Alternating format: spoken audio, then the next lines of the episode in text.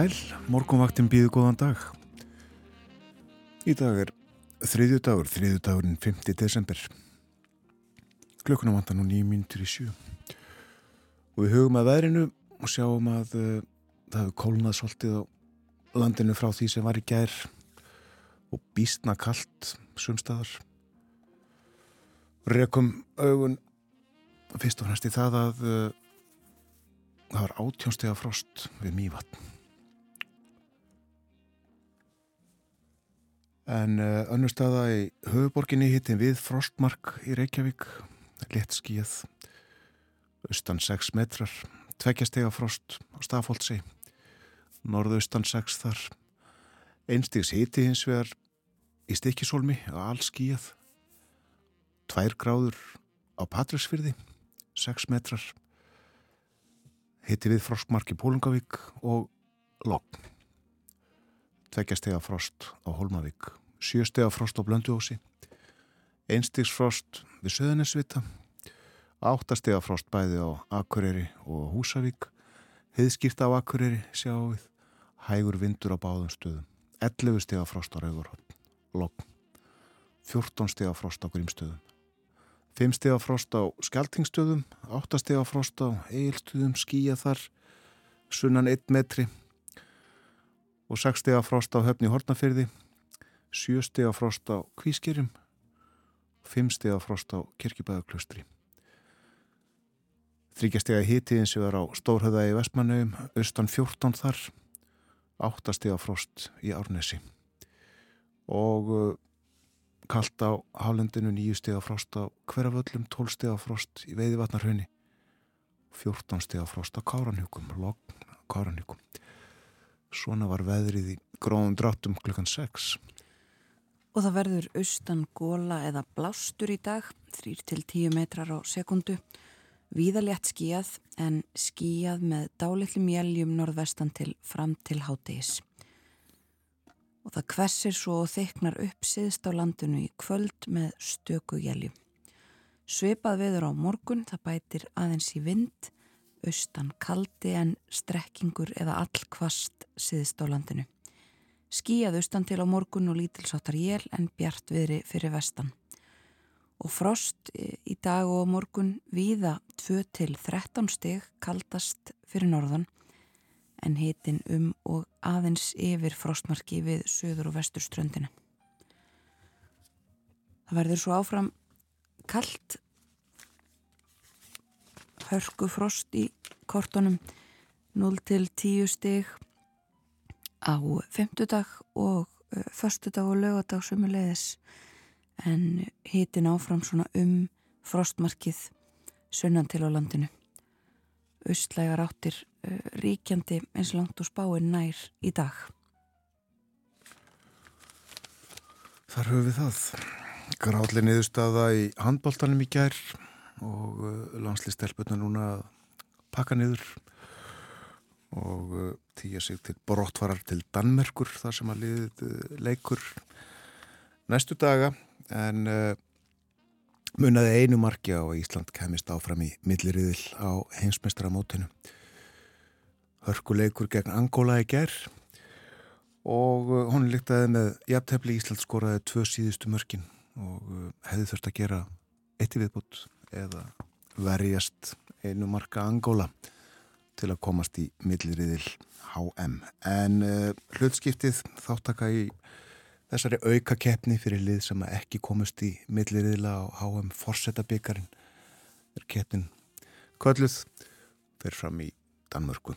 Og uh, þar spilar einmitt íslenska fótbolltalandsliðið í dag, kvennalandsliðið í uh, þjóðadildinni Já, sá leikur klukkan hálf sjö í kvöld Danmörk Ísland loka umferðin í riðla keppni í aðdelt þjóðadildarinnar og uh, íslenska kvennalandsliði getur gert út um vonir danska liðsins um að ná toppsætinu.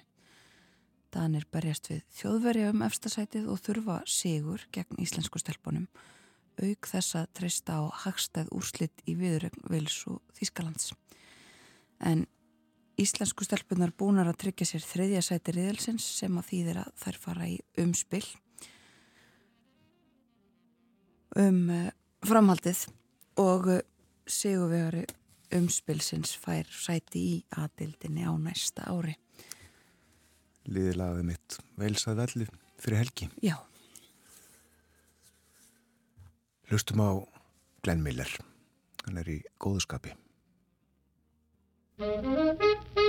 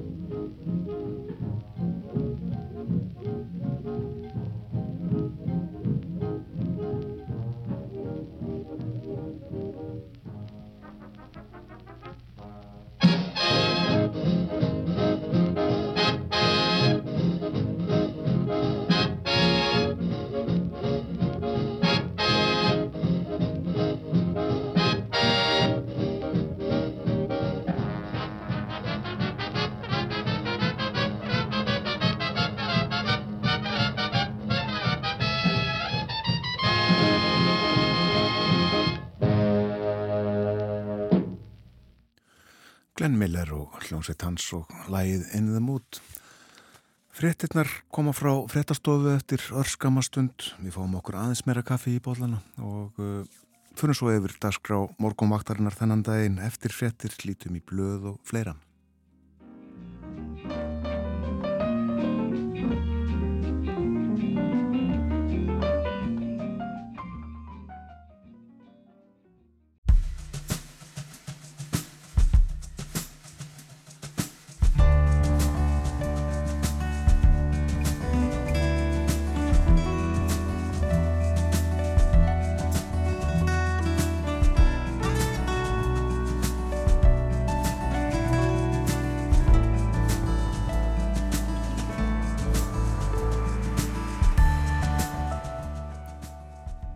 Góðan dag.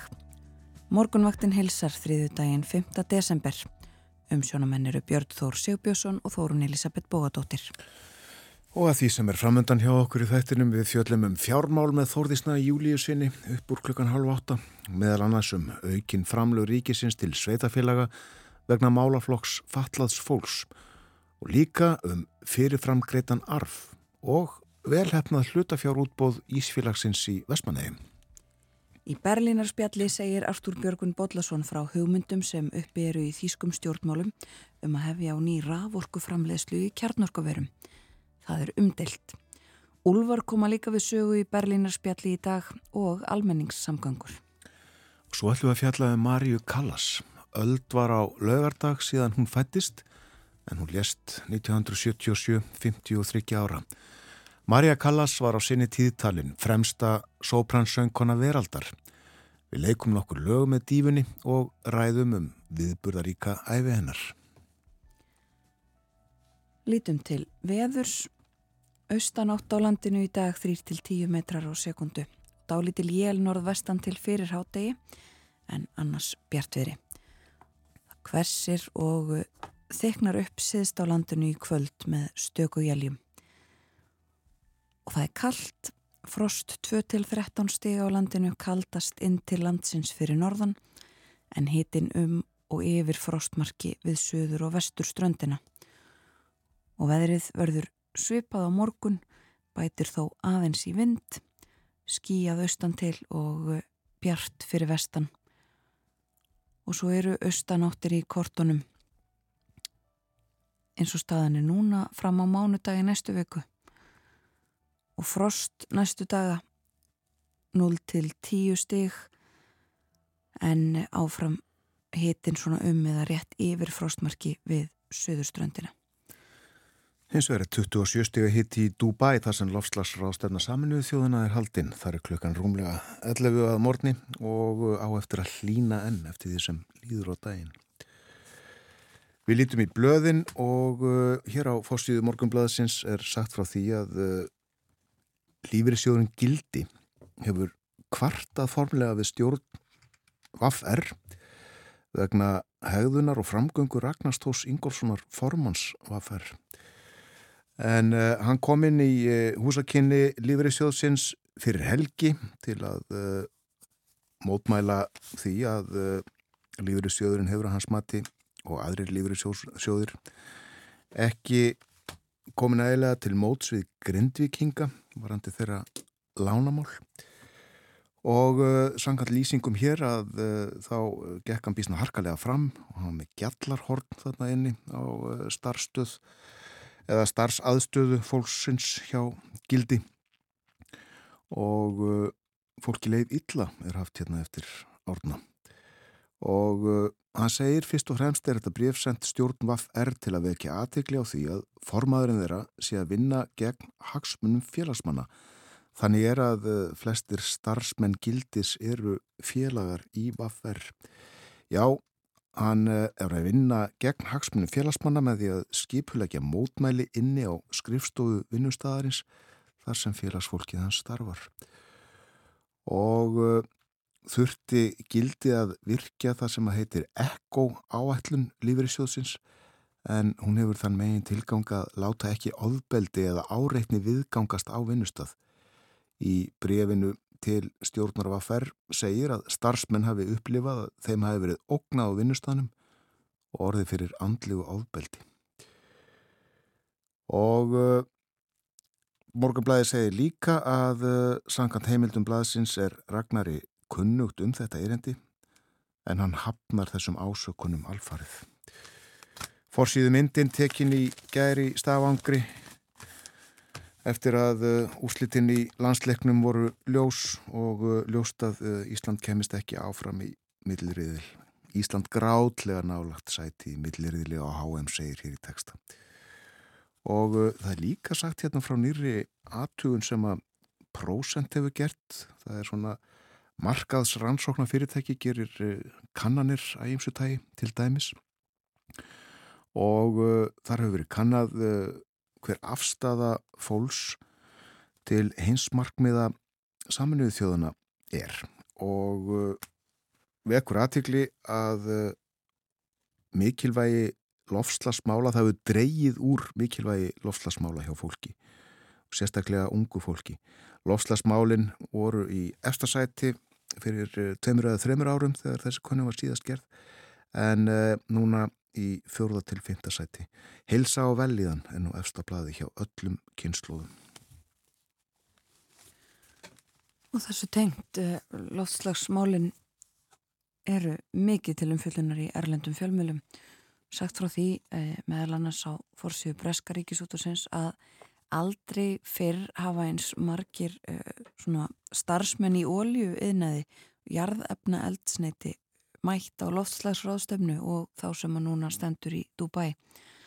2400 mann sem að tengjast kóla, ólju og gas yðnaðinum sem að, uh, eru skráð á uh, ráðstöfnuna og til þess að tala um þessi mál.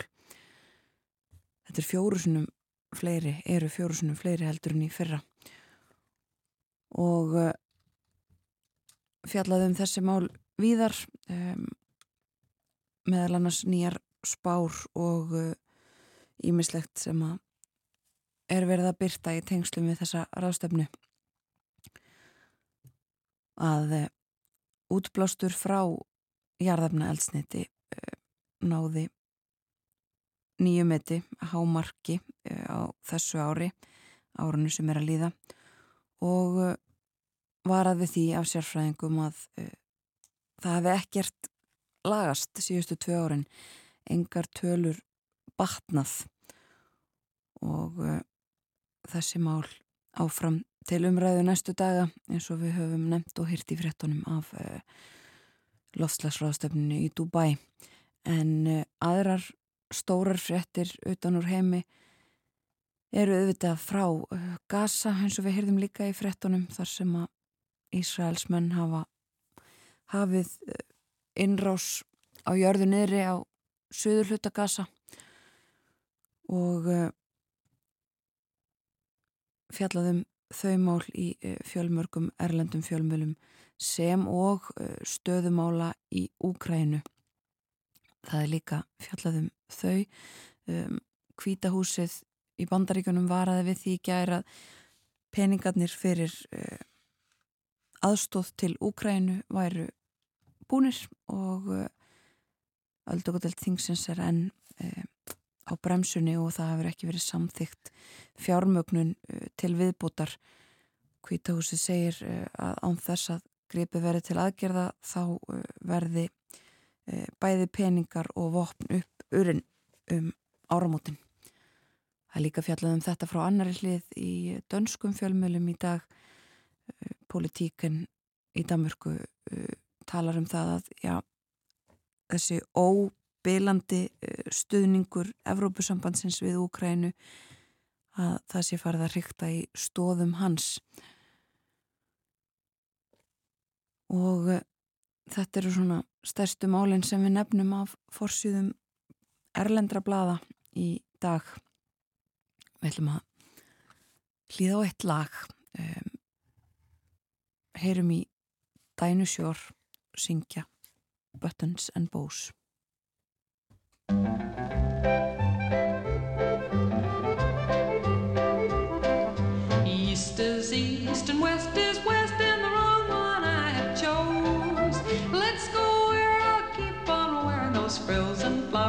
buttons and bows Rings and things and buttons and bows. Don't bury me in this prairie, take me where the cement grows. Let's move down to some big town where they love a gal by the cut of her clothes And I'll stand out in buttons and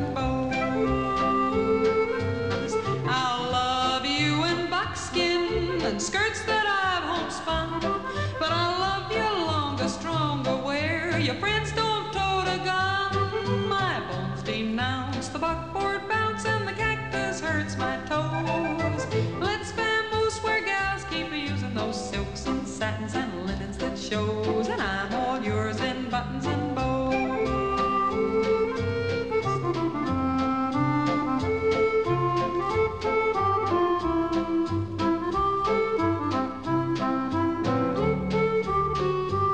My bones denounce the buckboard bounce and the cactus hurts my toes. Let's bamboo square gals keep using those silks and satins and linens that shows. And I'm all yours in buttons and bows. So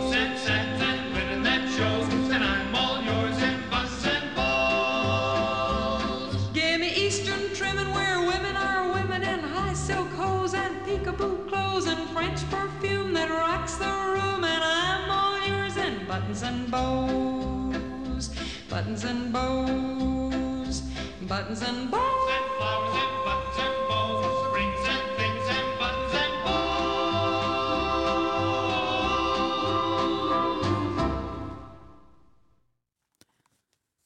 Dinah Shore, Buttons and Bows. Þetta er lag sem hún gaf út árið 1948 og uh, við förum að hluta til aftur til ársins 1948 næstu mínuturnar. Þess er minnst í ár að 75 ár eru liðin frá samþygt mannrettinda yfirlýsingar saminuðu þjóðuna en hún er talin liggja til grundvallar nánast öllu mannrettindastarfi í heiminum frá 1948. Og af því tilefni hefur átni snævar upplýsingafulltrúi hjá saminuðu þjóðunum tekið saman nokkra stuttapistla um þessa merkilegu yfirlýsingu og hvernig hún varð til þegar að kaldastriðið skipti heiminum í fylkingar og átök voru fyrir botni miðjararhafs rétt eins og nú.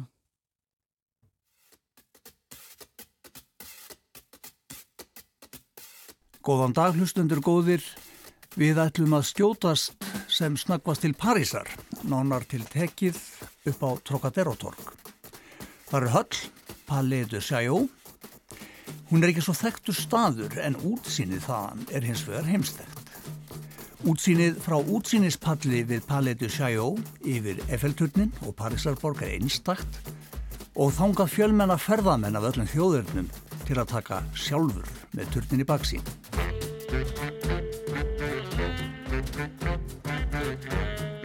Árið 1940 lit sjálfur Adolf Hitler ljósmynda sig þar með Eiffelturnin í bakgrunni, nýbúinn að ráða niðurlugum Fraklands í síðari heimstyrjöldinni.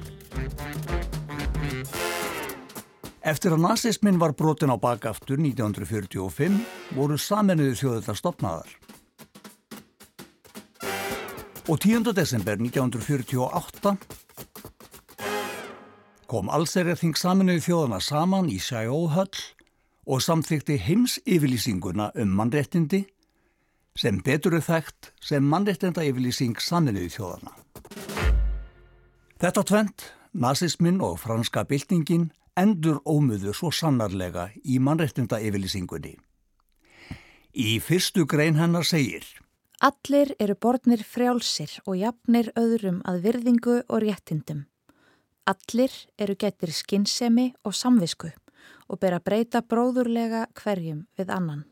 segir í mannréttinda yfirlýsingunni í þýðingu Jakobs Þótt Möller lögfræðings.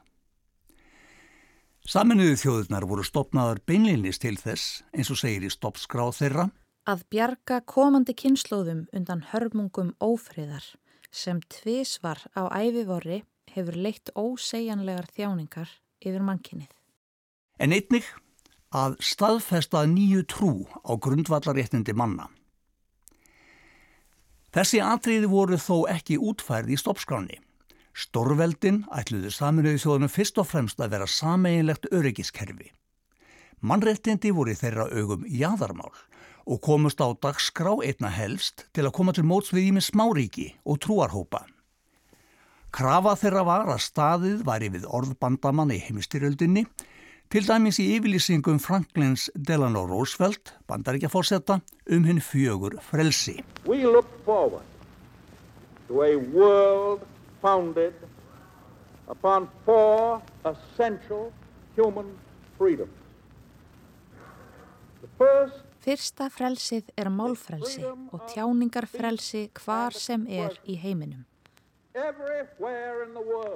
Annað trúfrelsi, hvar og hvernig sem er. Þriðja frelsi frá skorti og fjórða frelsi frá óta. Everywhere in the world. Valur Ingimundarsson er professor í sögu við Háskóla Íslands. það er, aldrei á miskilningi beitt sem sagt er að þetta að í upphæfi hafi strax uh, borið á svona klopningi annars vegar millir vestuveldana uh, sem vildu leggja áherslu á borgarlega réttindi og einstaklisbundi réttindi og pólitísk réttindi uh, og sovjetmenna hins vegar sem vildu leggja áherslu á félagslega réttindi vegna þess að við minnumst þess það sem Roosevelt sagði í uh, í upphæfi ás 1941 í þessari frægur ræðu um, um frelsið það sem þessi fjögur, fjögur frelsi og þá talaðan, ekki, eh, talaðan um, um tjáningafrelsi og, og trúfrelsi en líka um frelsi undan, eða frelsi undan uh, óta og líka, líka skorti. Svo að svo það var alveg augljóst að það sem hefði, hefði Rósveld lifað eftir síðari heimstyrjöld og þá ætlaði hann að leggja áherslu á félagsréttindi. Saði Valur Ingimundarsson. Verk var að vinna. 6 miljóni gýðinga, 100.000 hinsegin og rómafólks höfðu verið mylt í gasklefum. Sovjerski strísfangar sveltir 100.000 saman til bana. Fólk nefti þrældóm, konum verið nöðgað, svo aðeins helstu óhæfi verk síðu talinn. Skömmu eftir stopnum saminuði þjóðana var stopnum nefnd til að fjallum mannreitnindi. Kaldastriðið var eins og að skollið á og hérna nýstopnuðu saminuði þjóðir loguði í deilum. Formaður mannreitnenda nefndarinnar var Eleanor Roosevelt, ekja Franklins heitins fórsetta bandaríkjana sem lést skömmu eftir stríðslokk. Hún var þekkt baróttukonna fyrir mannreitnindum, til dæmis réttundum kvenna og bandaríkjamanna af afrískum uppruna. Það var ekki sísta hennar frumkvæði sem stefnan var sett á að fyrst er þið samþygt yfirlýsingumannréttindi en sáttmálar fylgdu í kjölfarið. Kári Hólmar Ragnarsson er lektor í lögum við Háskóla Íslands. Uh, upprunalega planið var að skrifa mannréttinda sáttmála alheimsins bara þarna í, í, um þetta leiti um 1940 og eitthvað en það náðist ekki samstæðu um þá í staðin var ákveð að skrifa þetta sem yfirlýsingu sem við myndum kalla eh, soft law eh, sem er ekki lagalega bindandi og síðan halda á vinnunni áfram og stefna því að skrifa sáttmála. Sagði Kári Holmar Ragnarsson. Þótt ákvæðum frelsi einstaklingsins séu mest áberandi í mannréttinda yfirlýsingunni er þar einning að finna ákvæði á borð við 2005. greinina. Allir eiga rétt á lífskjörum sem nöðsynleg eru til verndar heilsu og vellíðan þeirra sjálfra og fjölskyldu þeirra. Telst þar til fæði, klæði, húsnæði, læknishjálp og nöðsynleg félagsleg þjónusta, svo og réttur til öryggis vegna atvinnuleysis, veikinda, föllunar, fyrirvinnumissis, elli eða annars sem skorti veldur og menn geta ekki við gert. Ætlun höfunda mannreitnenda yfirlýsingarinnar var að ekki bæra að taka einstök atriði út úr henni, heldur væri hún ein held. Sovjaskir stjórnarerindrekar voru ekki mjög virkir í samningu mannreitnenda yfirlýsingarinnar en notuðu tækifærið til að halda uppi gaggríni á Vesturlönd. Rósa Magnúsdóttir er profesor í sakfræði. Þau eins og þú segir bentu mjög oft á til dæmis kynþáttamiðsrætti í bandaríkunum og yfirgang vestarnaríkja í nýlendum viða um heim. Og voru í rauninna því til þess að afla sér fylgjenda þá kannski sérstaklega á þessum svæðum. En uh, margir hafa benda á eins og þú segir að það, þeir höfðu ýmislegt til sín máls. Þeir voru alveg að benda á atriði sem að voru auðvitað að sérstaklega ef við horfum á bandreikin, kynþáttamiðsetti og rosalegur hérna félagslegur og efnahagslegur ójöfnudur. Sagði Rósa Magnúsdóttir. Eleanor Roosevelt var formaður og verkstjóri mannreittendanemdarinnar en aðrir voru þó afkasta meiri við samningu hennar. Tókstreita var ekki aðeins á milli vestrætnaríkja og sovjetríkjana og fylgiríkja þeirra. Einna mikilvirkastir í samningu yfirlýsingarinnar voru kynverinn Chang og líbaninn Charles Malik og voru þeir ofta á öndverðum meiði. Til að auka enn á flækjustíð var mannreittenda yfirlýsingin ekki aðeins samin í skugga kaldastriðsins, heldur einnig átaka Araparíkja og Ísraels sem stopnað var sama ár. Malik var auk nefndarsetunar helsti talsmaður Arababandalagsins á allserjaþingi saminuð þjóðana. Sá sem á mestan heiður að því að taka saman réttindarskána og gera úr henni heilstæða yfirlýsingu frakkin Röne Cassan var hins vegar gýðingur, sem misti sýstur og alls 19 ættingja í helförinni. Hann var ákafu stuðningsmaður sjálfstæðis Ísraels. Af þessu sést að það var síður en svo sjálfgefið að marréttneta yfirlýsing yrði samþygt og reyndar langt í frá. Ekki var löstuða nokkur að spennu gætti þegar gengi var til atkvæða 10. desember 1948 um mannréttinda yfirlýsinguna.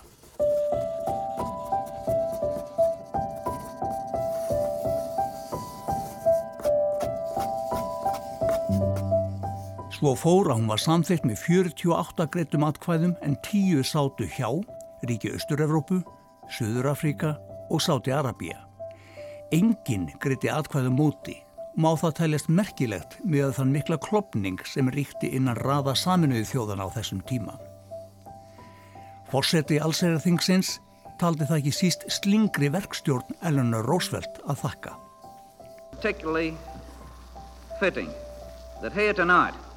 Uh, should be the uh, person who's been the leader in this movement, assisted though she has been by many others, the person who was raised to even greater honour, so great a name. I refer, of course, to Mrs. Roosevelt, the delegate of the United States.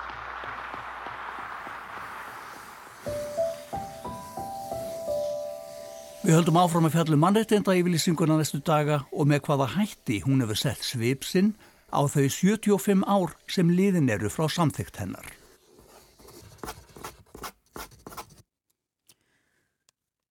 Þetta var Átni Snævar sem fjallaði um mannréttinda yfirlýsingu saminuðu þjóðana. Í þættinum var rætt við Val Ingi Mundarsson, profesor, Kára Hólmar Ragnarsson, lektor og Rósu Magnúsdóttur, profesor.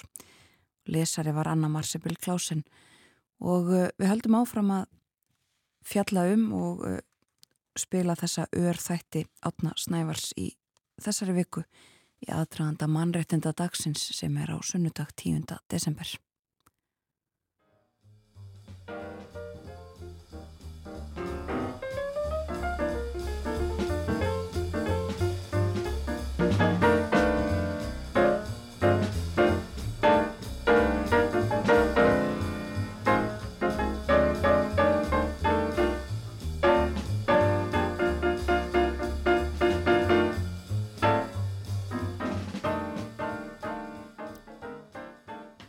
Yfirleitt morgunfrétta er næst á dagskrá morgunvaktarinnar.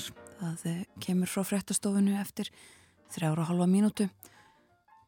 Svo verður með okkur Þórður Snar Júliusson, rittstjóri heimildarinnar, vikulegt spjallum efnahag og samfélag á dagskráni. Artur Björgum Bodlason verður svo með okkur, Berlínar spjallið á sínum stað og svo er það Marja Callas. Við ætlum að ræða um hana og heyra í henni í síðasta hluta þáttarins.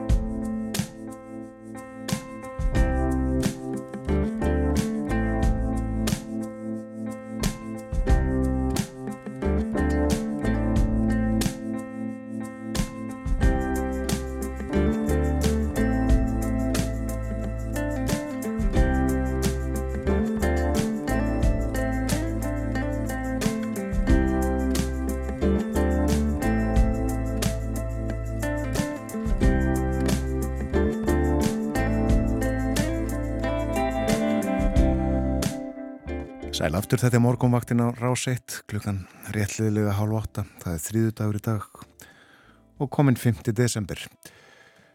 Það er kallt víða á landinu í dag, jökulkall lef ég mér að segja við mývatn átjónstega frost þar í nótt. En hlínar líklega aðeins eftir því sem líður á daginn. En uh, hittast í á landinu já, tvekja til 13 stiga frost og kaldast inn til landsins fyrir norðan. Hitti um og kannski yfir frostmark við suður og vestuströndina og uh, maður búast þetta dálitlum jæljum norðvestan til, til háttegis en uh, annars verður bjartviðri á landinu. Og uh, við sjáum í tilkynningum frá vegagerðinni að það er snjór og snjó koma víða á vestfjörðum. Og raunar líka á vesturlandi það er þungvert á fróðurheiði snjóþekja eða krapi og jæljagangur á sunnaverðu Snæfellsnesi. Þæfingur á fjallvegum á vestfjörðum og uh, á vegunum sjálfum í mist snjóþekja eða hálka. Og uh, hálka almennt á Norðurlandi og Norðausturlandi og Östurlandi hálku blettir sumstaðar á Suðurlandi. Svona eru aðstæður á landinu þennan morgunin við minnum á að Artur Björgun Bodlason verður með okkur eftir morgun fréttinnar klukkan átta.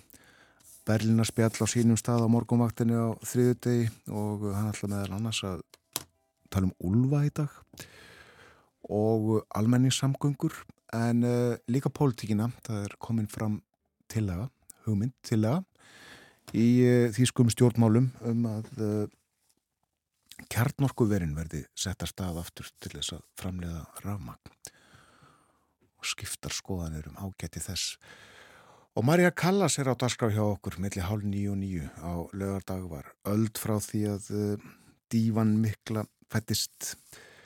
Hún var á sinni tíð uh, talin fremsta sopransöngkona í heimi og uh, sem ég vilja meina að hún sé fremsta sopransöngkona allra tíma. En æfi hennar var erfið eins og við segjum frá á eftir.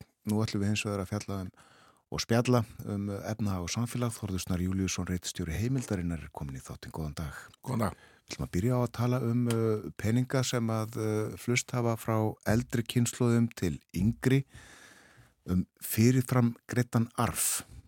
Já, og kannski byrjum á því að uh, tala aðeins um innlán og sparnað sem síðan er hægt að miðla sem fyrirfram greitum arfi. Uh, hér á korunveru tímum uh, þetta voru alls konar hömlur á, á neyslu og fólk gæti ekki gert það sem það hafði áður gert, ferðast minna og keift sér alls konar uh, ke ekki keift sér alls konar hluti eða þjónustu sem það gerði áður og, og hérna á sama tíma var, voru stjórnföld að örfa neyslu með ódýrum peningum og uh, þetta var til þess að það var til mikill svo kallar umframspartnaður í kerfinu. Það er að segja uh, innlán heimila í bankakerfinu júkust um 463 miljardar frá áslökum 2019 sem er svona cirka 1,2 miljón krón og hvern íbúa að meðaltali og hlut af þessu spartnaði var síðan ráðstafað í fasteinakaup sem gerði það verkum að eftirspurn á fasteinamarkaði varð miklu meiri og verðið hækkaði mjög mikið, til dæmis hækkaði um 25,5% að naburi milli júlimána 2021 og 2022 sem er svona, ja, held ég geti fullit náttúrulega einstakt á heimsvísu, eh, svona miklar heikanir. Eh, þannig að þessi umfranspartnaður hann rataði inn á þennan markað. Fólk var að nota þessa peninga til þess að köpa sér stærri eignir eða hjálpa börnum eða hvaðan aða sem var til þess að, hérna, að fara inn á þennan markað.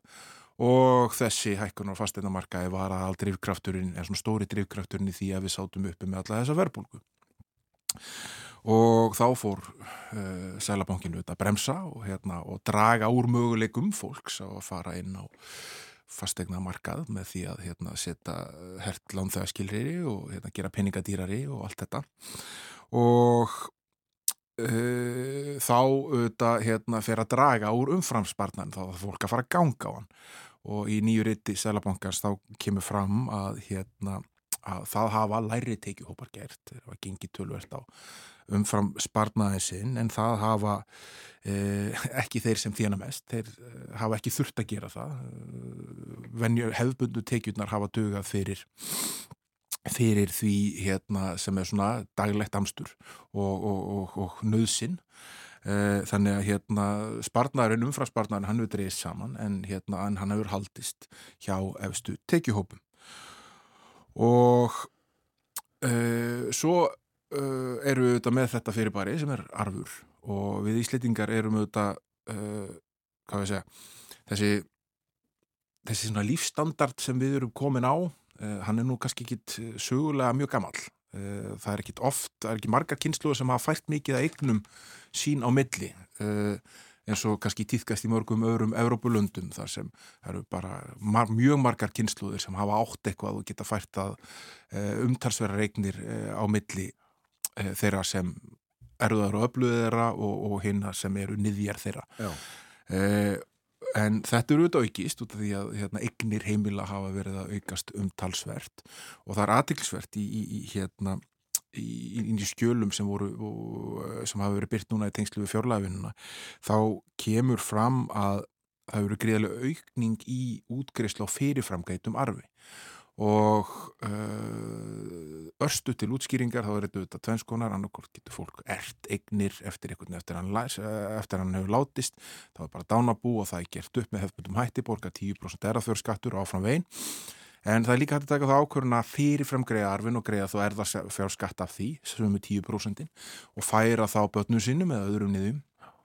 Hérna það er eignir, þannig að þau geti notið þeirra fyrr. eh, og nýtt þau til dæmis til fastnaðkaupa. Akkurat og uh, hljómar auðvitað sem skynsamleg ráðstöfun í, í staðin fyrir að láta þetta matla einhver staðar að bankarekningi og enginn þörfir fyrir að, að nýta þetta til svona hluta íbúða að kaupa barna til dæmis. Heldur betur, eh, en það er alveg svakalega aukning í þessu, þessari tilfæslu og hérna og aftur við skulum hafa í huga það sem ég var að segja hérna áðan að margar þeirra aðgerra sem hefur verið grepið til úr hendi stjórnvald og seglabanka á undarföllum missurum hafa miðað því að reyna að kæla meðal hans fasteinamarkaðin draga úr getu fólks til þess raunverulega að kaupa sér húsnæðum, hér dígubarklegar yfirlýsingar um að fólk þurfu bara að setja sig við það að búa lengur heima hjá fóröldur sínum og svo framvegis.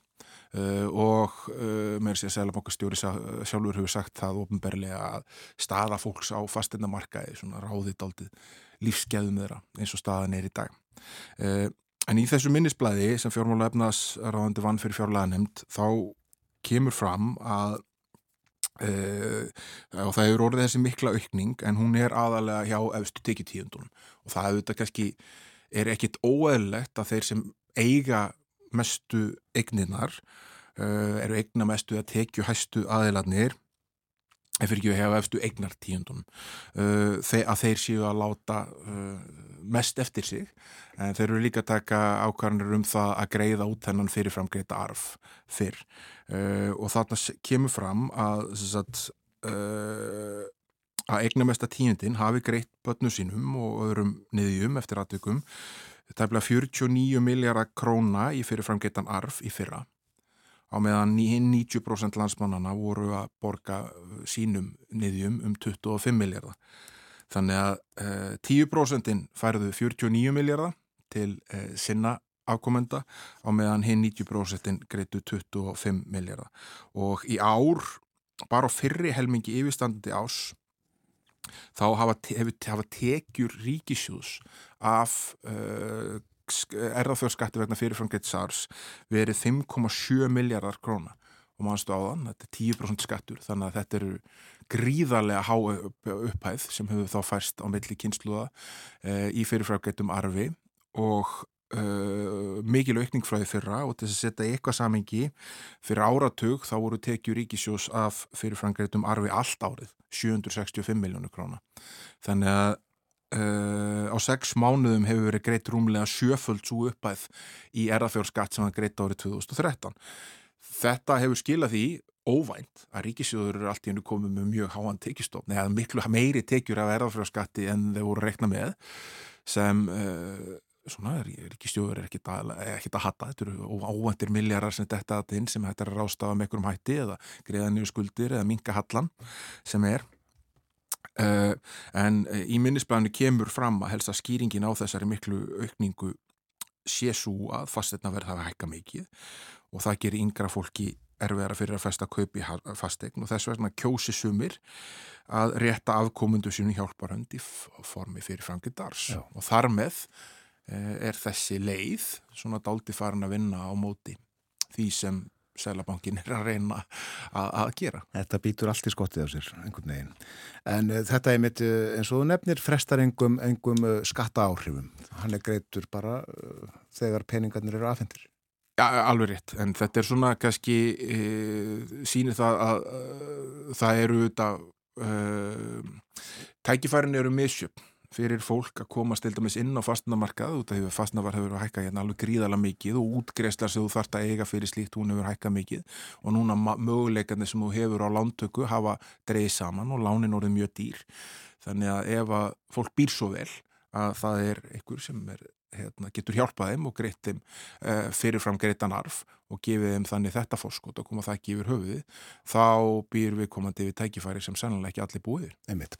Þetta er tilfærsla á peningum millir kynnslóða. Við ætlum að tala næst um uh, tilfærslu peninga frá ríki til sveitafélaga en uh, eitt helsta ágrinnsefni ríkisins og sveitafélagana síðustu ár hefur verið máluflokkur fatlaðsfólks og þá fjármögnun verkefnana og uh, nú hefur ríkið ákveðið að uh, setja meiri peninga í máluflokkin. Já, e, þessi máluflokkur flutt, fluttur yfir til Sveitafélagan 2011 og svona hægt og rólega hefur orðið eitt aðal bitbeinið á milli ríkis og Sveitafélag vegna þess að Sveitafélagun hafa sagt við ríkið það fylgdu ekki næjalegir tekistofnar með til þess að standa undir þessar þjónustu eins og okkur er skilt að framkvæma hana samkvæmt lögum og eh, árunni 2021 heldur sveitafélagið því fram að það er vanta 14 miljardar uh, inn í þennan málflokk og ennhæri upphæði fyrra og ennhæri upphæði ár. Uh, þar sem gerðist um síðustu áramót er það að hafa svona stíð eitt skref til þess að, að höggva þennan hnút. Þá ákvað uh, ákvaðu stjórnvöld að gefa heimil til að hækka útsvar og lækkuðu tekjuskatt á móti. Eh, sem skilaði sveitafélagunum 5 miljórum og uh, þetta var svona eitt skref í áttina en sveitafélagun hafði þetta sagt á móti að þetta hekki verið nóg. Og núna uh, liggur fyrir uh, samkvæmt aftur gögnum sem þetta er að sjá hafa verið lögð fram fyrir fjárlaga nefndi vinslu fjárlaga frumvarps fyrir næsta ár að uppbyrju áform um það að ríki eh, gerir þetta aftur um komandi áramót og útsvar fáið þá að hækka þannig að 6 miljardar í viðbót rati til sveitafélagana en skattur lækki á móti þannig að tekjur ríkisjós verði 6 miljardum króna minni. Eh, og það er svona alltaf hart, hart orðalag eh, með fram þessu, það er svona eiginlega sagt við sveitafélagin sko við ríkið erum tilbúin að gera þetta ef að þið lofið þá að hætta þessu það er eiginlega svona niðurstaðan hérna, orðað á aðeins teknokratískara máli en, en það er verið að reyna að, að búa til einhverja endanlega lausn á þessum deilum. Hvort að þetta muni duga til, það verður doldið að koma í ljós. Ef maður skoðar til dæmis á slutareikning Reykjavíkuborgar sem er langt stærsta sveitafélagið og með lang fjáraslega þunga með uh, mikið fjáraslega þunga af því að rekka mál, málflokk fallara og aðstofið fallað fólk. Fyrir nýju mánuði, fyrstu nýju mánuði þessa ás þá uh, kemur þar fram að heldakostnaður Reykjavíkuborgar hafi verið 16,2 miljardar tæplega uh, við rekstur málflokksfallara en tekjur 8,9 miljardar Þannig að bara Reykjavíkuborg er að segja að þetta séu rúmlega 7 miljardar á fyrstu nýju mánuðunum sem vantað upp á og uh, maður þarf ekki að vera doktor í starfræði til þess að sjá að ef að Reykjavíkuborg vantar 7 miljardar á nýju mánuðum þá eru 6 miljardar í viðbót fyrir öll sveitafjölögin á 12 mánuðum væntanlega ekki að fara að brúa gatið eins og væntingar sveitafjölaðan að standa til. Nei og ríkinu verður sást ekki að þeirri ósksinni að, að það verður hægt að tala um þetta? Eh, nei, mann er það til efs eh, í ljósu þess að, að það hefur verið lögð gríðarlega áhersla á þetta sérstaklega á hendi stærri sveitjafélaga sem eru að sinna þessari þjónustu þetta, meira en, en, en minni. Eh, hversu umfánsmikið uh, þetta gat hefur orðið og þetta liggur þá fyrir ákveðu viðkenning úr hendi ríkisjóðs að tekjustofnar hafa ekki fyllt með fyrst það hefur verið að fara í þessa tilfæslur uh, að leifa uh, hækkun útsvars á móti lækkun uh, skatta sem ríkisjóður innheimtir til þess að brúa þetta gat. að eh, næsta máli í handriti hjá okkur það var vel lukkað hlutafjárútbóðu hjá Ísfélaginu Ísfélagið las ég einhver staðar elsta skráða hlutafélag landsins uh, farsælt gengið einstaklega vel og uh, er nú orðið almennings hlutafélag Já, verður það uh, hérna núna þegar breyfinu verður tekinn til viðskipta 8. desember þá var fjórföld eftirspurn eftir brefunum það voru svona tvær tilbóðsbækur uh, önnu svona minni sem var meðalansætlu fyrir starfsfólk og svo leis og hérna og lámars gengið á brefunum átt að vera 135 og svo var stærri bók sem var fyrir fagfjárfesta. Uh, og það var þannig á endanum að hérna að það mun meiri eftirspurn sérstaklega með alfagfjörsta uh, eftir brefum en, hérna, en, var, en það sem var í bóði og það hækkaði verði þannig að þeir e, sá hlutur í Ísfélaginu sem var verið að selja eigindur voru að selja og ætl, voru að reikna með að fá að minnstakosti 16 miljardar fyrir uh, hann var tæplega 18 miljardar þannig að komu 2 miljardar tæpir í viðbót sem fara í vasa þeirra sem voru að selja uh, hluta af sínum hluta í þessu félagi. Mm -hmm. uh, og uh, þetta brefin verða síðan tekinn til viðskipta á á, á fyrstæn og þá eru út, stór útgerðnar í kaupullinni orðnar þrjár og hérna Ísfélagi bætist í hóp Sildavinslunar og, og Breim eh, og þetta er svona hérna tóltið áhugavert eh, að, hérna, að útgerðarnar séu að koma aftur inn í kaupölluna, þær fóru flustar úr henni eh, snemma á þessari öld eða það er um byl eh, en eru núna að koma aftur eh, sem miklu stærri einingar og í, í nýframluðum drögum af frumvarfi um uh, bara umhverfi sjáurútvegs sem Sandi Svavastóttir þeirra kynnti í samráðskátt stjórnvalda um daginn. Þar er meðal annars gert ráð fyrir því að skráð sjáurútsfyrirtæki geti haldið á herra hlutfalli aflaheimilda en þau sem eru ekki skráð. Það er að segja að kvótaþækið hefur verið 12% hinga til og það er, skiptir engum áli hvort að þú sért skráður á markaði ekki en þar er gert ráð fyrir einhvers konar skráningakvata sem fylgur í sér að ef þú skráður á markað þá uh, máttu halda á 15% uh, þannig að hérna uh, við erum þá að sjá það að hérna að þau eru að koma aftur inn og verða almenningshlutafélög og lífyrsjóður eru, vantarlega stæstu aðeins sem eru að koma inn og kaupa hlutabref, útlendingar auðvitað megaða ekki, það er hérna bundið í íslenskun lögum. Þannig að það er þessi fjármunur er ekki að koma þaðan. Og svo eru við að sjá auðvitað þessa svona tilfæslu að, hérna, að fólk sem hefur haldið utan þessi sjávarútsfyrirtæki í mjög langan tíma eru að selja hluta af sinni eign, þetta gerist líka þegar Sildavinsla á skráðamarkað, stæstu eiginnir, Samheri og Gjögurs fjörskildan, seldu hlut af sinni eign en halda en þá, svona þetta eru langt stæstu hlutafarnir en, en, en, en tóku út tölvert fjármagn og svo sáu þetta vísi renna inn í Sildavinsluna og, og svo fjörskilda eh, fekk fyrir sinn snúð eh, vel á 40 miljardar króna. Og sambarlegt er að gera núna stæstu eigundur Ísfélagsins, áður gamla Ísfélagsins, þetta eru þetta rammi og Ísfélagi sem eru að renna saman í eitt félag, uh, eru að taka út vel norðan við 10 miljardar uh, í þessu og nýlega er búið að eiga sér stað kynslu og skipti þar, þar sem Guðbjörg Mattíastóttir sem hefur styrt í félagi árum saman, uh, hefur fært eignar hluti sína í Ísfélaginu yfir á sinni sína. Ísfélagi heldur stopnað rétt upp úr 1900. Mm -hmm. Við fylgjumst með þessu, sjáum hvort að lífleg viðskipti verði með hlutabrefin eftir að það hafa verið skráð í kaupöllina á fastudaginn. Í kaupöllinni er Marel sem hafði fjallarsvoltið um að undanförnu og það gerðist eftir spjallokkar um það fyrirtæki hér fyrir viku að en en vendingin varði í máli félagsins. Ég, ég held hún að það sennilega bara gerst á meðan við vorum að spjalla. Ég held ég að heilt uh, fyrstu fregnir af henni í áttafréttum eða ég var að kera hérna frá út af húsinu.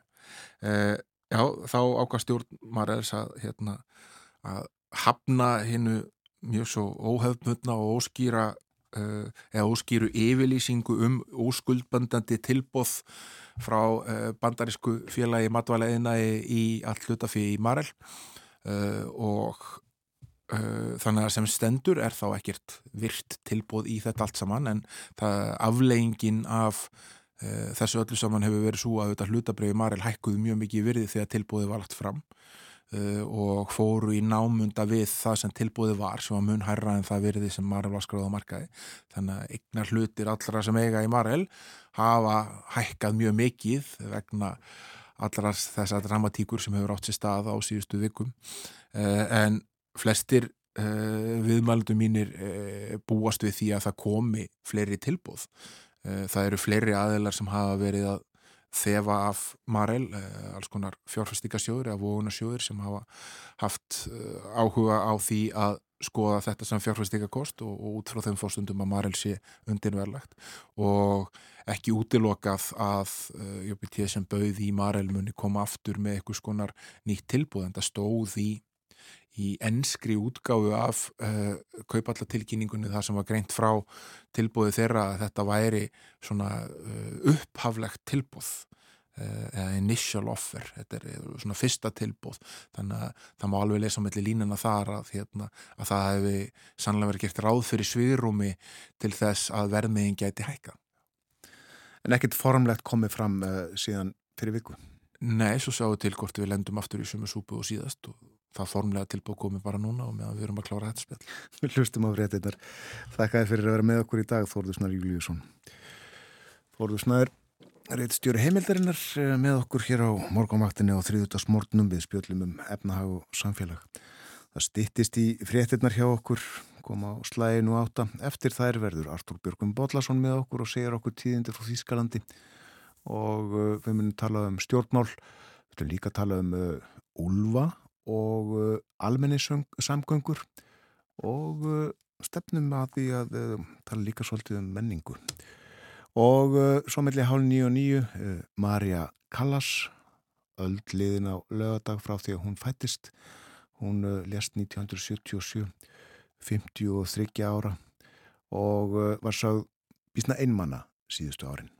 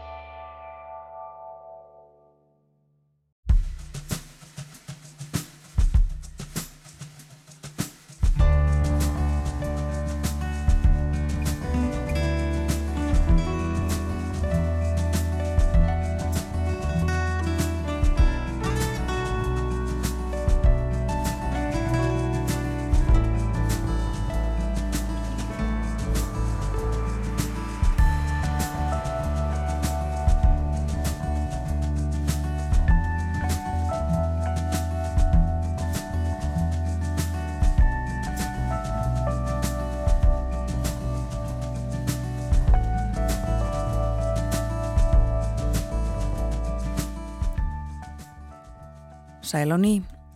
Áfram heldur morgunvaktin ára á seitt. Klukkan er 6 mínútur gengin í nýju og það er 5. desember í dag, þriðjudagur.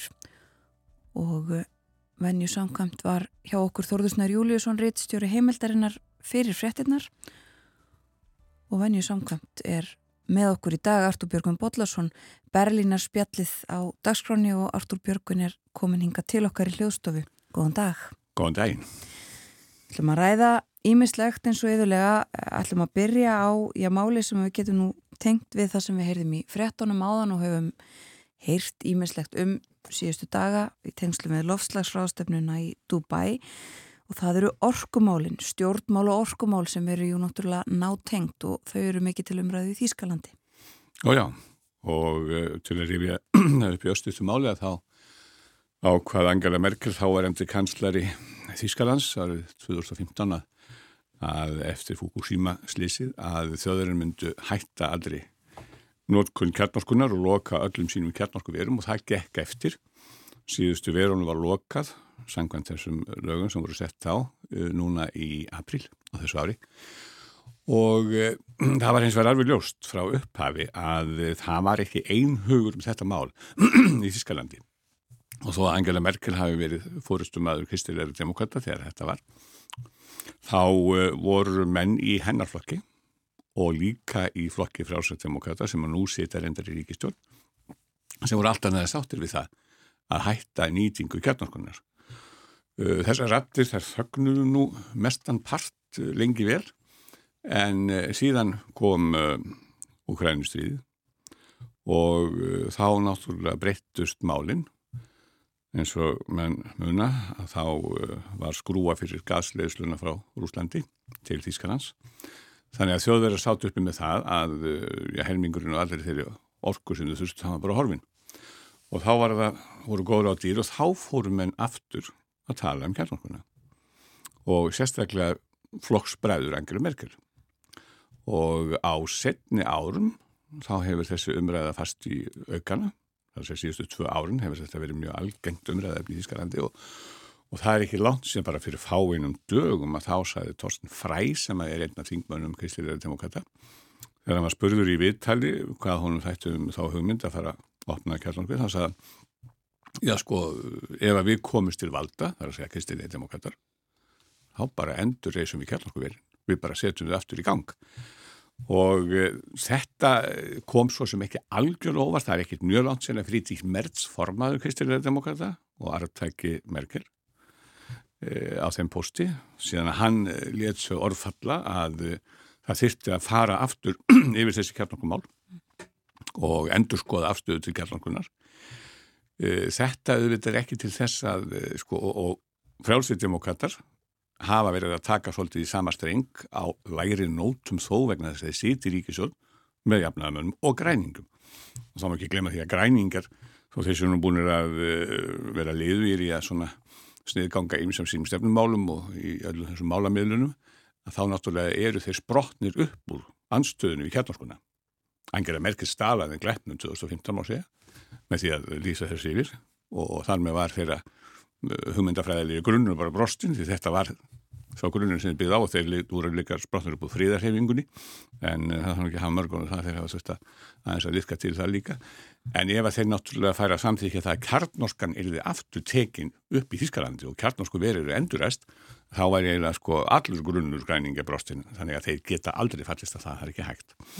En þetta sem sagt er, er ástandið núna það er verið að ræða þetta sennilega í bakherbyggjum sjá kristilegum og þessi þóstun fræ, hann sæði hreint út ef við komumst til valda þá bara endur þessum við verðin og ef við komumst til valda er ekki alveg út í lofti vegna þess að alla skoðana kannir í Þískalandu þess að myndir sína það að ríkistjórnin er, hefur mjög lítið fylgi, ég held að hún hefur bara álíka lítið fylgi eins og ríkistjórnin á Íslandi samkvæmt sem kannunum sinni síðan og það er auðvitað ljóst að ríkistjórn situr ekki til eiliða með, með svona lítið fylgi með 30% og þess vegna eru líkundan á því að Kristilegi komist til valda 2025, þess að hvað sé verður næst, það er nú ekki með tvö ári það, að þá er, það er tölverið líkur á því og þá getum við hort fram á tíma þar sem að, þar sem að uh, kjarnorkan, já, minnst okkur kemst aftur á dagskraf sem orku, orka fyrir þjóðurina. Og drjúur hluti þýrskra rávorku var framleitur með kjarnorku, er það ekki? Jú, það var tölverður, tölverður, að vísu ekki, jú, það var tölverður hluti sem að uh, kjarnorkan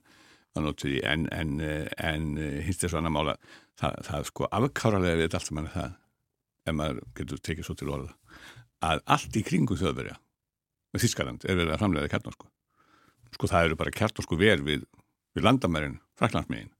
Það eru verið að framlega kjarnorsku í Belgiu, það eru að framlega kjarnorsku allt í kringum Þískaland og háðungin eru auðvitað svo og mér skilst að þið voru að minnast á loftlagsfrástefnuna í Dubai að það hefði nú verið einhverju sem að glottu ísmíli að, að sjálfskanslara Þískarlands þegar hann fór að tala um kjarnorskulösa framtíð. Því að ég sá það bara í fréttum að, að 22 ríki heldur tókur sér saman um að ebla kjarnorsku framleyslu á komandi árum og ekki bandaríkjum Breitland og fleiri stórveldi sem þar. Já, Breitland er kannski ekki stórvildi en allavega fleiri stór ríki sem að, sem að uh, voru þar með og, uh, og það er ósku beilvægt að sjálfstandi þar svolítið eins og, og þröndaglópur mm. og þeir eru náttúrulega líka og það er svolítið háðung þjóður eru líka að kaupa kjarnorsku af frökkum til dæmis og menn segja sem svo og það segja þessi kristilundum og hvað til hvers hvaða hræstni og hvaða síndar menn skemmt þetta við erum að nota hana frá öðrum okkur búin ekki til sjálfur Kanski hljómgrunni fyrir þessu uh, akkurat núna þegar tekjir að kólna í Þýskalandi og orku skortur er í landinu? E, mjög mikil og þetta er náttúrulega sko í rauninni eftir að Ukrænustíði byrjaði og, og skrúa þessi gaðsitt frá Rúslandi þá uh, hérna var það þannig að, að uh, Habeck uh, var að kanslari, hann var nú einhverja duglegur að ferðast um heiminn og hann var hlaupand á milli einhverja fyrsta í Arabalöndum til þess að reyna að ná í orku.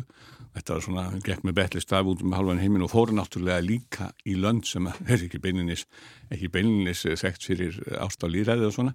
Þannig að þetta er búið að vera óskaplega erfitt og það er vissu, hefur ímislegt komið upp eins og þetta fljótandi gas sem að það þóst að rikka upp uh, gasgeimum fyrir utan stendu Þískarlands uh, á skömmum tíma, mikil skemmri heldur en að mann held að þyrti þannig að þeir hafa nú verið duglegar að ná sér í orku þjóðverjar. En jú, það er að fara að kólna.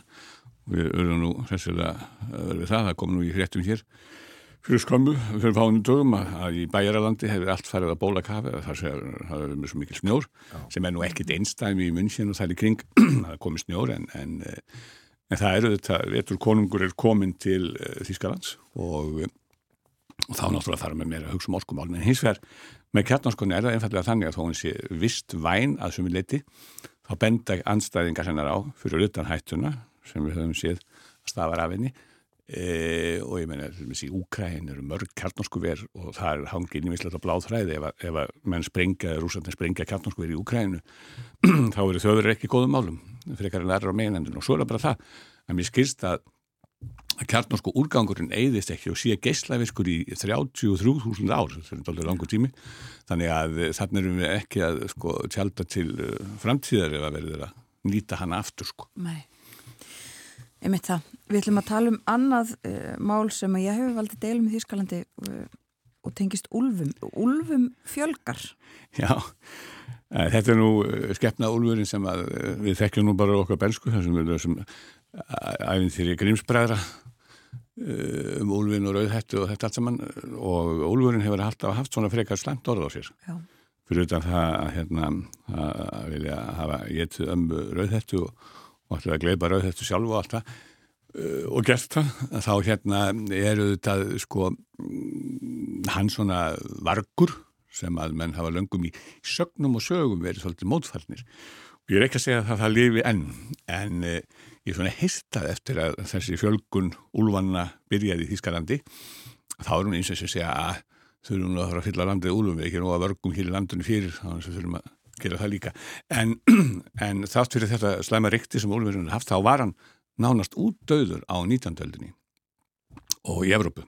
Hann var bara eiginlega horfin og svo var farið að kannamáli og þetta, þetta snýstirinn sko, um það fyrst og semst að, að eh, dýrategundum eins og júrtategundum hefur verið að fælka þessi gríðarlega fælkun tegundana er talið mjög háskali fyrir lífríkið í heiminum og Úlfurinn var bara að hverfa allavega í Evrópu og þá var greipið til Ímisa Ráða, hann var svo friðaður á endanum.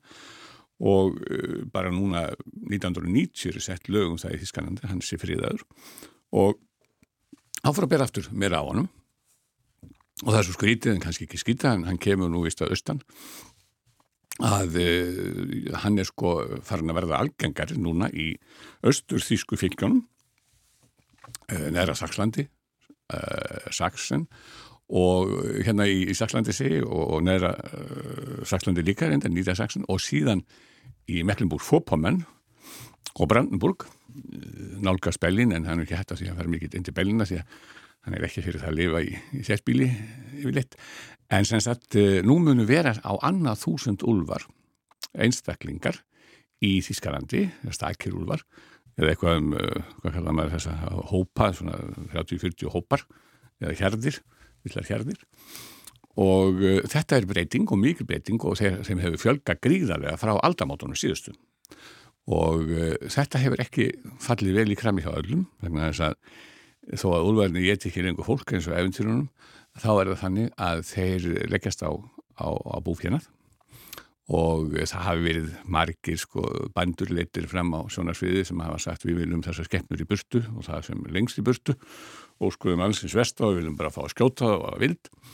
Því að þeir hafi verið að sko ráðast eitthvað á, á, á, á söðfíi og, og, aðra nýttja skeppnur mm -hmm. en þetta er hins vegar sko það er búið að stopna svona úlvarsamtök í Ísklandi, það er alltaf stofnum samtök um allt náttúrulega og það er svona úlvarsamtök sem að menn geta gengið í ef þeir eru sérstakir úlvavinir og eh, en, en þeir skiptir því er úlvavinni og þá sem eru haldan úlvúð á þessum skeflum nema hvað að, að þessir úlvavinni segja sko þetta er mjög mikilvægt fyrir tegunda fjöldan og, og það er ymitt eins og ég sagði það, það fækkar svo mikið tegundum í dýraríkinu og jöstaríkinu mm -hmm. eins og við veitum að það er mikilvægt að allar, allar þessi tegundir fá að halda sér og hverfi ekki.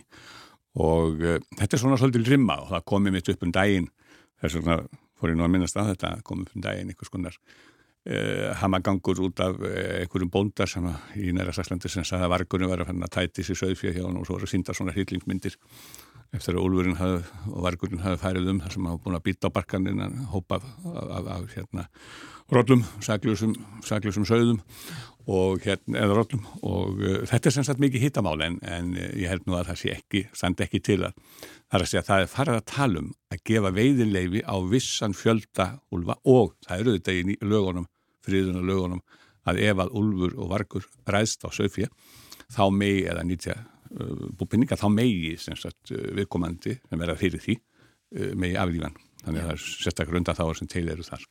Mitt Uh, síðustu mínuturnar ætlum við að tala um, um, um samgöngumál í Berlín. Já, það er reynda kannski lengra mál heldur en síðan nokkar mínútur en, en e, mér erum nú oft verið að hugsa til þess eftir að ég kom núna heim í samdeginu hvað sangangur og almenni sangangur í Berlín eru stórkostlegar. Því að e, maður verður verið það hér í höfuborg Íslands að almenni sangangur eru náttúrulega ekki á marga fiska. Og uh, sérstaklega ættu að vera það hér vegna þess að það er miklu miklu vera, vera veður hér og svona.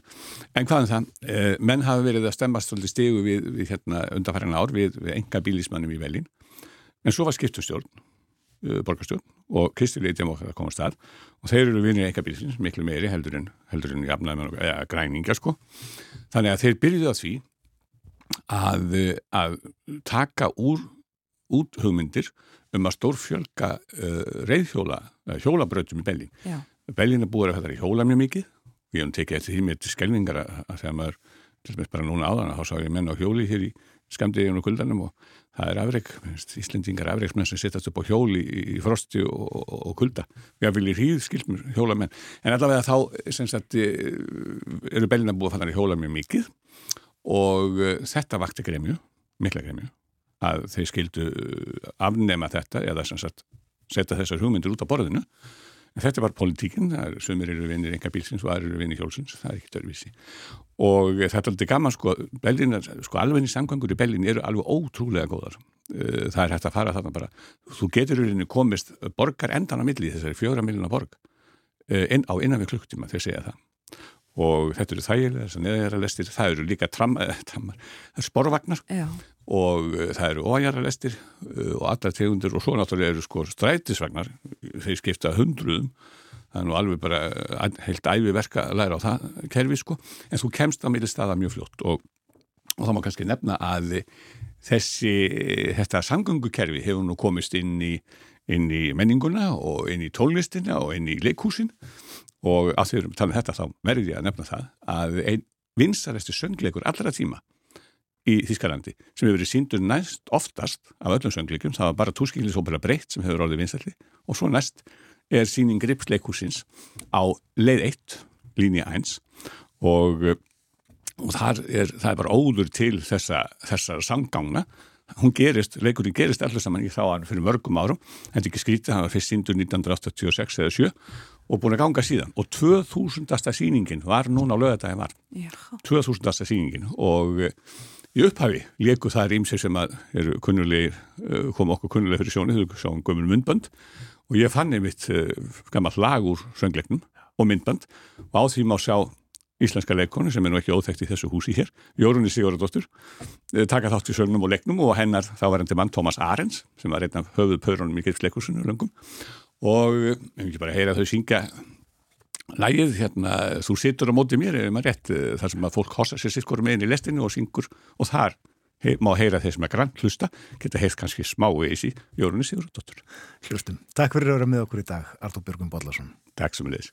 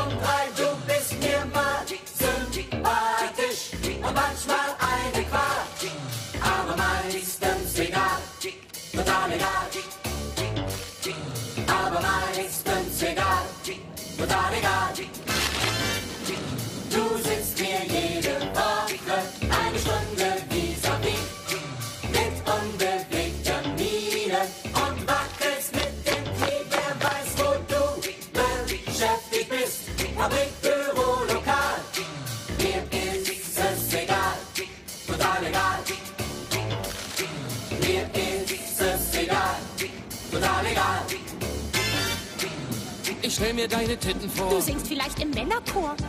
Titten vor? Männerchor? Vielleicht bist du eine alte Sau. Vielleicht verdrichst du deine Frau. Alte Sau. Deine Frau? Vielleicht bist du verrückt nach mir. Ich habe einen Traum gefickt mit dir. Gefickt?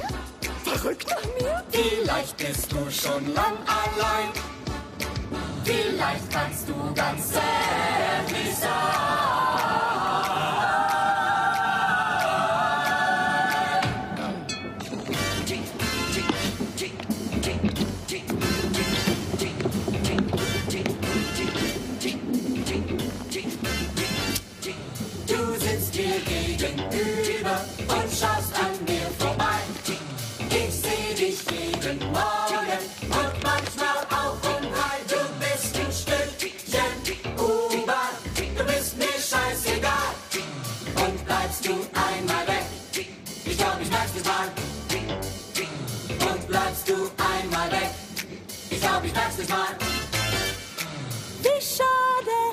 schade, Wie schade. Wie schade. wie schade.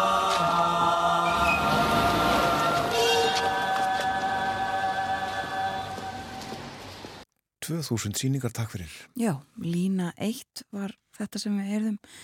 Uh, upphafið á þessum söngleik, næst vinsalasta söngleik í sögu Þýskalands og uh, hann gerist allur í neðanjörðalesta kerfi Berlínar sem er eins og Artur Björgun Bollarsson fór yfir með okkur afskaplega gott. Almenningssamgöngu kerfið í Berlín þykir með þeim betri. Annars konar tónlist heyrum við hér á eftir, eftir fréttaðið litið klukkan hálf nýju. Við ætlum að fjalla um og uh, heyra í Marju Callas.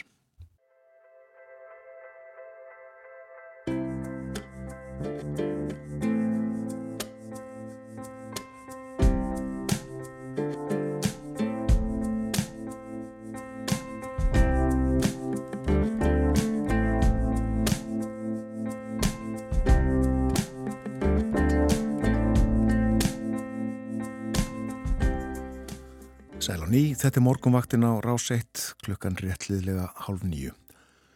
Og næstu mínútur verður fjallaðu Marju Callas og við byrjum á að heyra hann að syngja.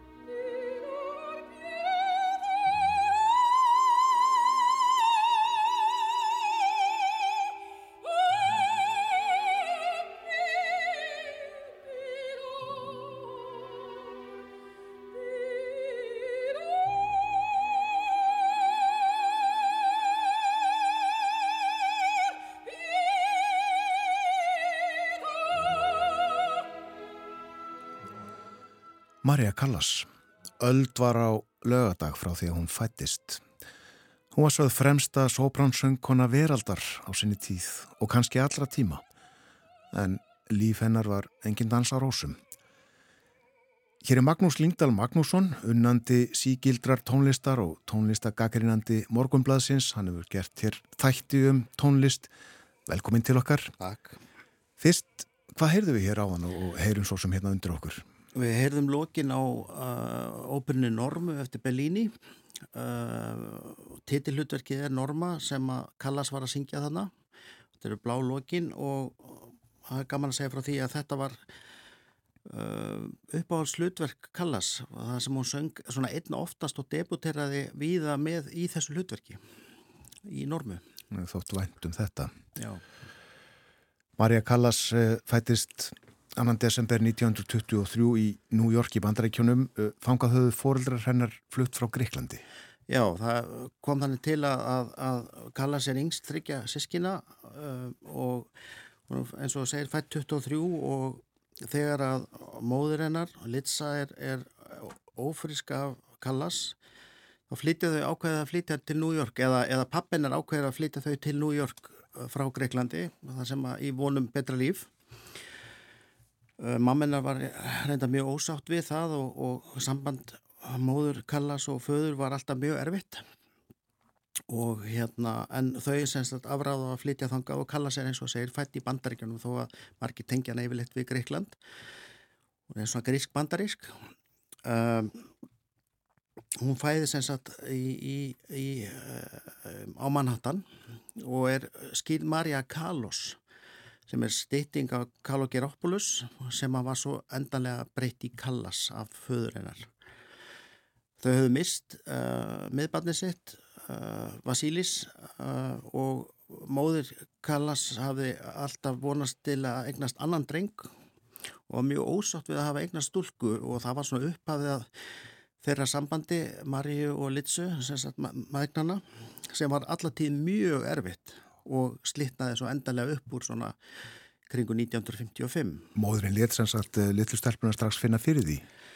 Já, sem sagt fyrir það fyrsta þá var sem sagt held hún meira upp á eldri sýsturuna, Jackie og svo er kallað svona cirka þryggjára eða svona í kringu þryggjára aldur að þá uppgötast þessir, þessir ótrúlega sönghæfileikar eða þessir, þessir tónlistarhæfileikar og, og móður kalla sig að móður Maríu leta hann að koma fram mjög oft og að syngja. Og Kallas heldur því fram og held því fram alla sína æfi að meðan hún lifði að móður sín hefði bara eðilagt æsku sína um, með því að trana sig fram og, og láta sig uh, sem sagt um, já svona spilt æskunni þar að segja. Uh, og það var svona vatn á millu þeirra sambands þeirra erfi, erfileika í þeirra sambandi. Já En það er sem sagt mjög snemma sem að tónlistar hæfileikandi koma í ljós. Já og, og þau flytja sem sagt móðir Marju og Marja og Jackie flytja til Greiklands aftur 37. Þá er Marja 13 ára og hún innreitast strax í, í, í tónlistarháskóla þar.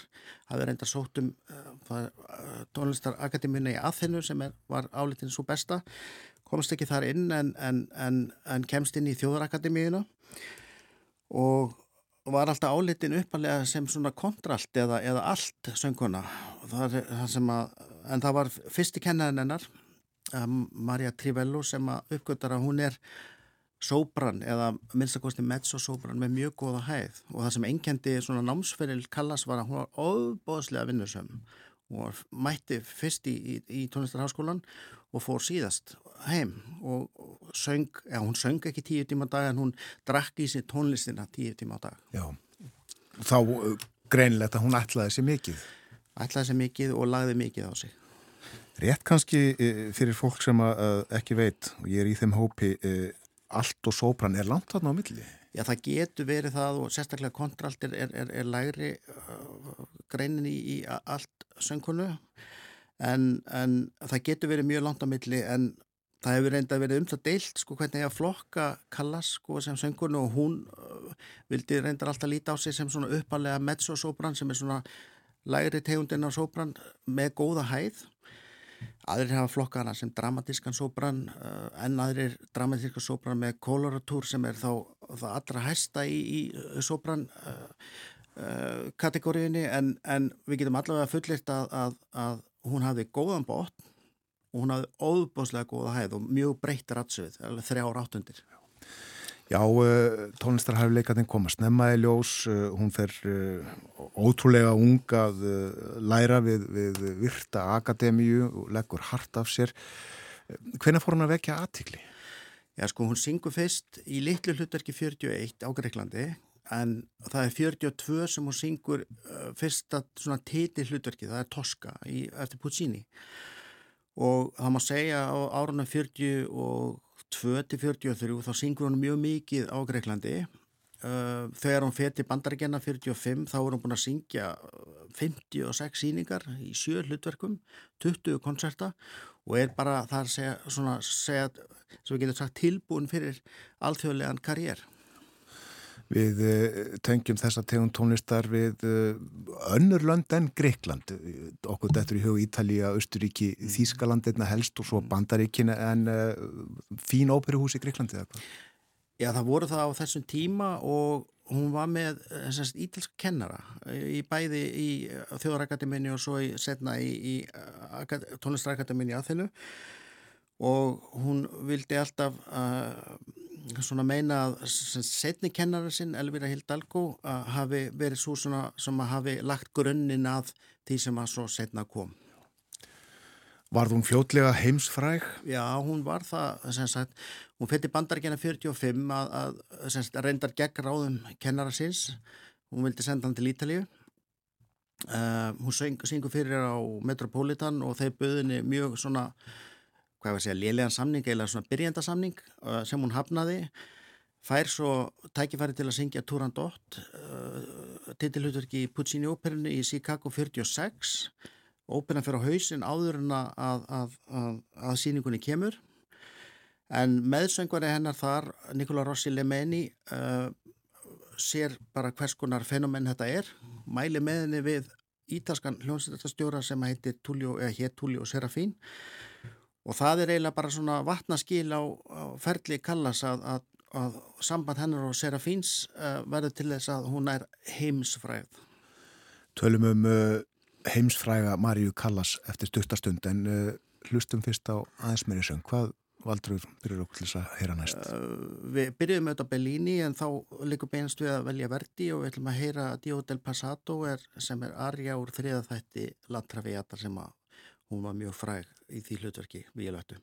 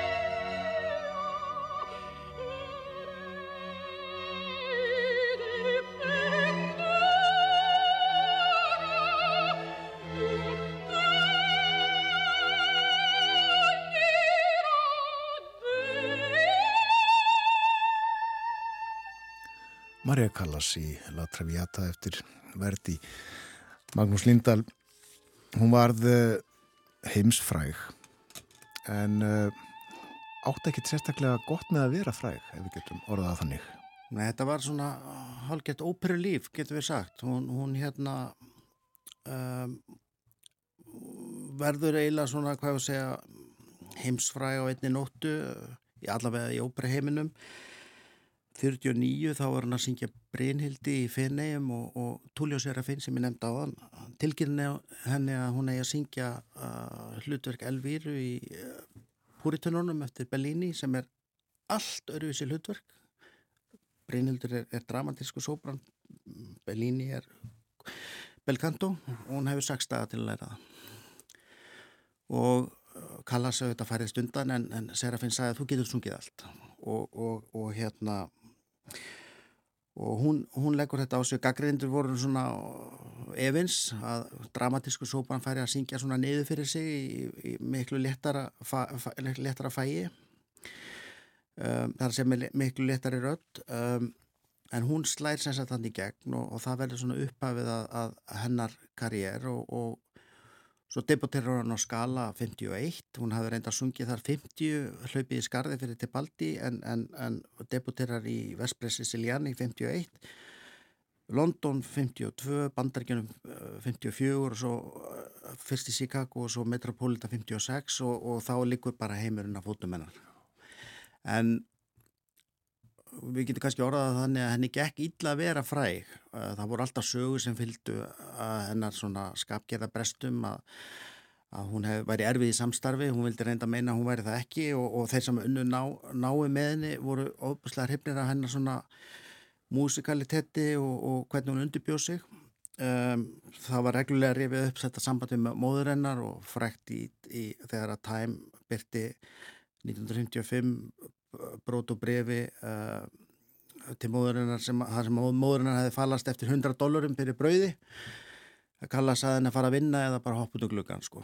um, um, svo eru svona frægir segja skandalar hún gengur út á Edinborgarháttíðinni uh, hún hættir eftir fyrsta þátt í normu 58 í Róm þar sem að Fosset Ítalíu var meðal áhörenda og og þá verður til svo saga að, að, að það sé best að sjá Kallas bara á generalpröðinu því hún kansilir alltaf á, í, á, á aðaltónlingunum og svo endar þetta með að 1958 er hún rekin af Metropolitan og það kemur bara í heimspressunni. Bing rekur Kallas. Svo fyrirsögn, Rudolf Bing var það óperustjóri og það kom til að því að, að hann hafi viljað láta hann að syngja tvö mjög ólík hlutur, það sem við heyrðum hérna Violettu í La Traviata og svo dramatísk hlutverk lafði Macbeth í, í, í, í samnæmdur óperu Verdís. Um, og þá Kalla sagði þess að þetta verði það ólík hlutverk að hún geti ekki sungið með nokkra daga fyrirvara, nefn nokkra daga millibili segi og rött sín væri ekki lifta þannig að það sem sagt um, uh, svo Hallar undan fæti hún hafi gifst 1949 uh, Menigini sem var svona ítalsku, ítalsku innjöfur um, það hallar undan fæti í þeirra hjónabandi og hún tekur saman við, við áðurna hún skilur formlega um, við Aristótel og Nasis Skipakong. Skipakong sem svo sem, þeirra hjá, uh, samband varir í 10-11 ár sem að fer svo frá henni fyrir Jackie Kennedy. Og það er svona uh, síðast í naglin í svona líkistu uh, hennar hvað var það að koma fram og, og, og, en svo reyndar gerist það líka sko upp úr 55, 6, 7, 8 og þá fyrir öllin að dala mjög mikið og þótti alltaf afburða góð leikona og uh, var stundum líst sem fyrst og fremst leikona en það er ekki rétt, hún var fyrst og fremst tónlistamæður og stórkoslega listamæður um, en röddinn dalar og 65 syngur hún í júli síðasta skipti á sviði, sem sagt uh, óperusýningu, það var í London, það var í Tosku og er bara óhæmingisum frá því. Já, og uh, hún deyr 1977, síðustu árin, uh, þá er hún eiginlega bara einn, er það ekki?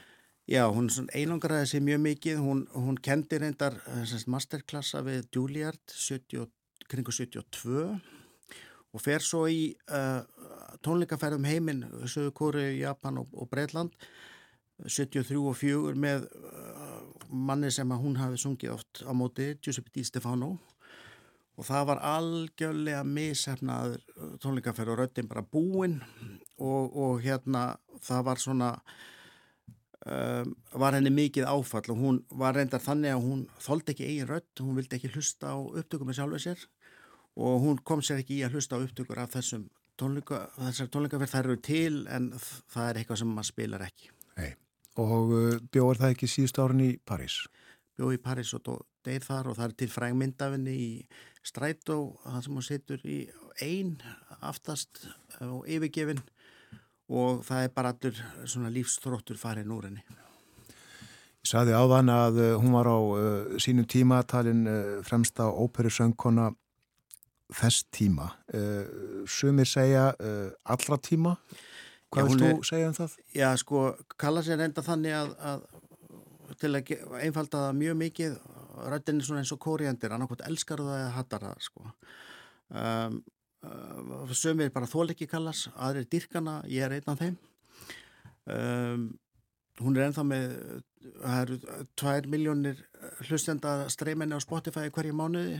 Um, það er bara Pavarotti sem er fyrir ofanana og hann er kannski ennþá frægara nafn. Um, en hún er svona erki típan af dífunni. Og ef að ef fólk er að hérna uh, minnist óperusöngvara þá er Kallas allavega eina af þeim allra frægustu. Þakkaði fyrir að vera með okkur á morgunvaktinni Magnús Lingdal Magnússon og segja okkur frá Maríu Callas.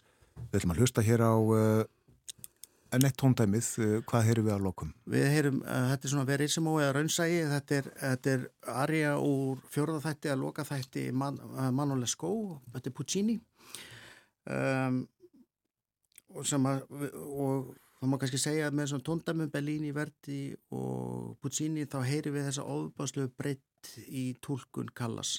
Við heyrum Belcanto, við heyrum Dramatík og við heyrum Verissimo og endum á Puccini.